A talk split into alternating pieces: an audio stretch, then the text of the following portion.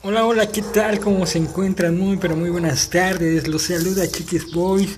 Hoy estamos al 25 de enero del año 2021 y bueno, estamos arrancando con esta nueva plataforma llamada Podcasts Hombres G. Siempre huele a gasolina.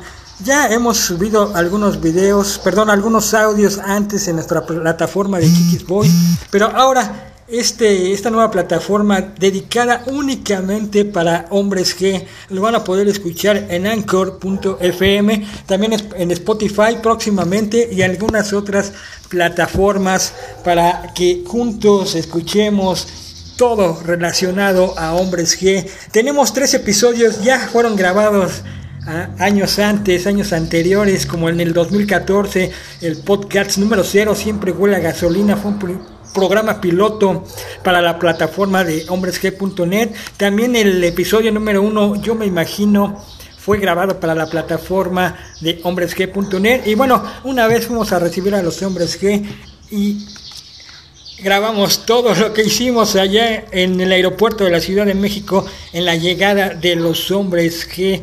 Así que yo los invito para que me sigan a través de esta nueva plataforma donde vamos a tener programas nuevos, obviamente. Los días sábados vamos a estar subiendo los podcasts nuevos. Así que a partir de este próximo sábado vamos a subir nuevo episodio ya de, la plataforma de podcasts de Hombres G. El próximo sábado, que es 30 de enero del año 2021, vamos a tener nuevos episodios. Y bueno, también les voy a decir eh, en qué plataformas me pueden seguir para que platiquemos, ya sea en Instagram, en Facebook, en Twitter en YouTube. Y bueno, poco a poco vamos a ir sacando todos los trapitos al sol en esta nueva plataforma llamada Podcasts Hombres que siempre huele a gasolina. Yo me despido, yo soy Chiquis Boys y los veo muy pronto aquí en Hombres que siempre huele a gasolina.